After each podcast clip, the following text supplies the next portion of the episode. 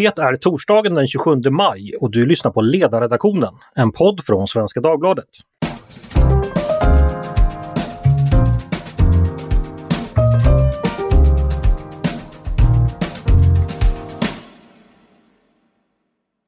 Sedan stiftelsen Doku avslöjat att en reporter på Ekot haft en privat relation med en person hon tidigare för Ekots räkning bevakat har många kritiserat Sveriges Radio.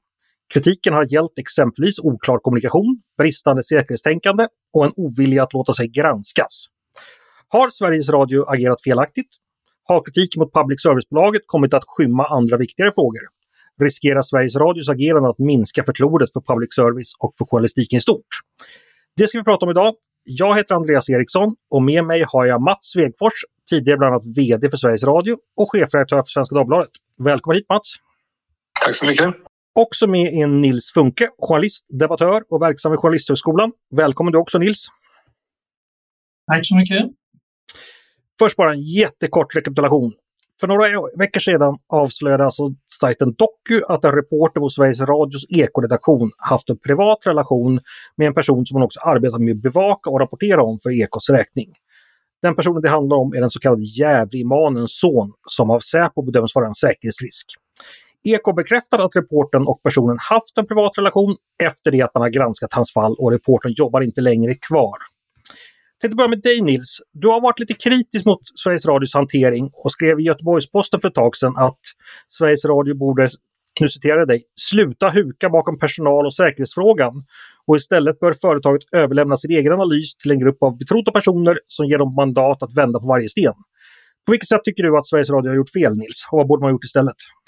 För det första så skulle jag vilja säga det att eh, ju hemligare en verksamhet är, ju färre skyddsmekanismer som den innebär, ju viktigare är det att det bedrivs en granskande och oberoende journalistik kring det. Och det gäller bland annat den här lagen om särskild utlänningskontroll, eh, som ju inte hanteras på ett sådant sätt som vi är vana vid när det gäller domstolar och fällande. Så där är journalistiken oerhört central och när den då bedrivs på sådana här områden så är det ju väsentligt, och det är väsentligt i alla sammanhang för övrigt när det gäller journalistik, det är ju att det inte finns någon dold agenda och att det inte ens kan uppstå en misstanke om att den som har gjort granskningen eller den publikation som publicerar det har något annat intresse än att just komma så nära sanningen det någonsin går i de här frågorna. Och här uppstår ju nu den här situationen att eh, vad jag har förstått och det uppstår tycke emellan en av reportrarna som har varit oerhört tung i de här inslagen och en av de intervjuade personerna som då för övrigt har eh, eh, eh, blivit dömd för olaga hot emot en chefredaktör. Och när, när den här relationen uppstår så ja, det finns inte mycket att säga om det. Sånt händer i livet så att säga. Va? Utan det som är av intresse är ju då hur hanterar man då ifrån, i det här fallet Sveriges Radio, den här publiceringen så att publiceringen inte dör beroende på den här relationen. Och då är inte den tystnad som kännetecknade Sveriges Radio i sju månader, den gagnar inte själva sakfrågan. Utan sen kom ju då eh, DOK och avslöjade det här istället. Va?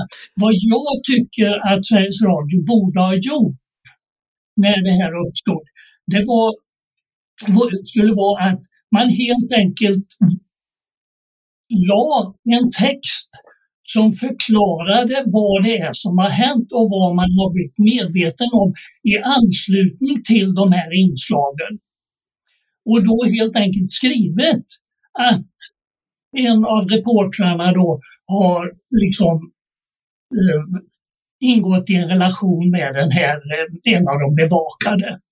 Och därtill tycker jag också eh, att man borde ha anlitat en eh, advokat för att då vetskap om att det här ändå skulle kunna komma att brisera och leda till en diskussion och ett ifrågasättande, inte bara av de här inslagen utan även av eh, hela public service verksamhet. Eh, borde man anlitat en advokat som då hade tittat på det här. Vad gjorde eh, Ekot? Vad visste man när och vad vidtog man för åtgärder då? Just det. Eh, Mats, här säger då Nils att det dels finns då anledning att misstänka att det skulle kunna finnas andra intressen inblandade i Ekots rapportering. Dels att man borde då eh, ha eh, i efterhand lämnat ytterligare information kring de här publiceringarna och att de borde ha anlitat någon form av eh, advokat föreslår han då som skulle ha gått igenom vad som egentligen har skett. Eh, delar du den kritiken mot Sveriges Radio? Jag tror att det är, jag tror att det är viktigt att att förstå hur, hur viktigt, det är jätteviktigt att förstå detta med källskydd och vilken, vilken kultur det leder till inom publicistiska företag. Um, och i detta ligger ju att man släpper aldrig in, ut information om kärnan i journalistik till någon utanför, eh, utanför ett medieföretag. Ehm, och det var ju det diskussionen började handla om, en, en oberoende granskning. Nej, alltså för oss som har jag ju varit ansvarig utgivare väldigt många år, inte minst på Svenska Dagbladet. Och man skyddar ju så att säga källornas, eh, källornas eh, identitet och företagens trovärdighet. Man kommer aldrig att lämna ut. Det är ju därför som Sveriges Radio har värjt sig mot det här kravet på en oberoende eller extern extern granskning och det gäller faktiskt också Nils att, att, så att säga, uppdra åt en advokat. Eh, det, det, är nästan, det är nästan otänkbart att en advokat skulle börja fråga redaktionella chefer och reportrar vad hände här, hur fick du den här informa, eh, informationen? Ehm, det, och det här är en jätteviktig fråga och den är verkligen värd att diskutera, verkligen värd att diskutera. Likadant, för jag tycker det ska vara sagt också, tidigt restes kravet på avpublicering vilket jag tycker är eh, jag tycker det är något alldeles oerhört att man skulle ta så att säga, gått tillbaka till läggen och rivit ut sidor ur ur läggen. Sen, sen så måste, jag ska inte bli långrandig om det, men man måste förstå att när ekoledningen fick klart för sig att den här relationen hade utvecklats så i nästa steg så slutade ju reporten. Det var ju inte så att man inte gjorde något, man gjorde jättemycket. Eh, och det är ett dramatiskt steg när en reporter, reporter får sluta, även när reporten säger upp sig. Man gick också igenom, så vitt jag förstår, alla säkerhetsaspekter på detta. Och genom att reporten hade slutat, genom att säkerhetsaspekterna var genomgångna och att man också hade granskat publicistiken och sagt den håller fortfarande som det såg ut då. Det var inte alldeles lätt att se att det fanns någonting att förklara därför man hade vidtagit åtgärderna. Mm. Retrospektivt, när vi ser det nu, Ja, det är klart. Då kan vi säga att det hade väl varit bra om man hade eh, lagt till någon notering. Men det var väldigt svårt att se då att man borde göra det. Just det. Eh, Mats lyfter här då källskyddets betydelse och det har ju också eh, Sveriges Radios VD Sila Bänkö hon uttryckte det så här att det är rent principiellt helt uteslutet att medverka till någon slags extern utredning av våra redaktionella processer. Detta med hänsyn till medarbetare och framförallt eh, hänsyn till våra uppgiftslämnare. Köper inte du det Nils att eh, det källskyddet är så pass viktigt att man inte kan släppa in någon annan helt enkelt? Alltså det är ju, för det första är det inte ovanligt att, eh, att tidningar eller, eh, eller etermedier tar in en advokat i ett tidigare skede än efter publicering. Det händer ju titt som tätt att advokater går igenom manus och ser hur faller detta in inom någonting som kan vara brottsligt etc. Så det är inte ovanligt att advokater får en insyn i verksamheten innan publiceringen sker. Och advokater är ju inte vilken utredare som helst. Det är ju inte frågan om någon Säpo-gubbe som skulle in i Sveriges Radio och ställa frågor utan en advokat eh, har ju advokatetik och förhålla sig till och står under den här disciplinnämnden och måste ju göra ett, ett grannlaga arbete.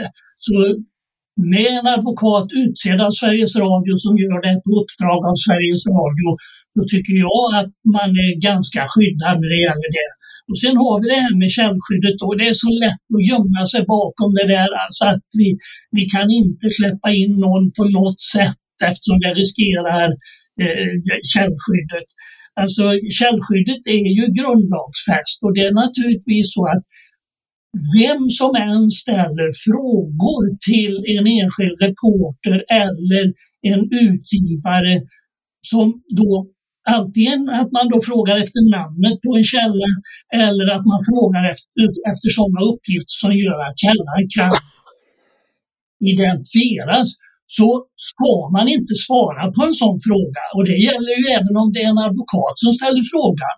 Då är det ju bara att säga att den frågan svarar inte jag på. Det är liksom eh, grundlagsfäst. Och är det så att man svarar på en sån fråga, ja, då begår man faktiskt en straffbar gärning. Det kan då åtalas av JK. Men många av de frågor som här berörs har inte som jag ser det med källskyddet att göra. Vi låter Mats, eh, vi låter Mats svara på det tänker jag. Eh, Mats, eh, man gömmer sig bakom källskyddet och att det skulle gå att utreda utan att komma in på källskyddet. Eh, vad säger du om det? Alltså, rent teoretiskt så, så kan jag hålla med eh, Nils om att man kan gömma sig bakom källskyddet också när det inte är motiverat. Men i det här fallet var det i allra högsta grad motiverat. Vi ska, vi ska vara medvetna om att den här reporten granskade, det var Säkerhetspolisens arbete. Hon hade jag har ju ingen aning om detta vill jag understryka, men alldeles uppenbart hade hon källor som var väldigt ömtåliga i det mest ömtåliga som man nästan kan syssla med. Och om, om man då skulle om man då skulle släppt in, som Nils säger, en advokat. Ja, hade den advokaten fått tvingas säga? Han hade fått säga att jag har försökt utreda detta men jag fick ju inga svar. För att precis som Nils också säger, hon skulle ju inte ha fått svara. Hon skulle inte ha fått svara. Dessutom är det så att jag, jag har rätt stor erfarenhet, rätt mångårig erfarenhet. Ja, man kan ha en advokat som granskar en text eller ett inslag från från för, så att säga, förtalsaspekter. Men då är det ju att granska texten. Det är ju inte att granska den, den redaktionella processen. Det är något helt annat. Jag har aldrig hört talas om att man har släppt in en extern, inte en extern person i det. Och har det hänt så borde man absolut inte ha gjort det. Eh, Nils, vill du svara på det? Ja, alltså även en, eh, även en genomgång av ett, eh, ett, eh, Eh, eh, en text som man säger, det behöver ju inte bara handla om förtal utan det kan ju handla om andra brott också mot rikets säkerhet etc. Även en, en sån genomgång av en text innebär ju att man ser ett manus där det kanske finns uppgifter som då skulle eventuellt kunna röja en källa och då är ju advokatens uppgift naturligtvis att säga att det där kan ni inte publicera. Va? Så jag, jag ser inte att, eh, Eh, att även om en advokat skulle gå in och göra den här utredningen och titta på vad man visste och sen advokaten argumenterar kring, jag ställde även den här frågan och fick inget svar. Eh, och det beror på det här och det här och det här grundlagsfästa. Så den frågeställningen kan jag inte svara på idag. Då får man ju säga så. Va? Då har det ändå varit någon mer betrodd person som inte haft något intresse i den här publiceringen som, som äh, har ändå tittat på det. Ja. Det finns ju en del frågeställningar. Naturligtvis så kan ju inte reportern röja om hon har haft eh, uppgiftslämnare inom Säpo etc. Va? Eh, det är ju fullständigt uteslutet men, men det handlar ju inte bara om eh, att och så att säga eh, få, få fram vem som har lämnat vilka uppgifter utan det handlar ju om hur tänkte man när man då väljer att hålla tyst i sju månader.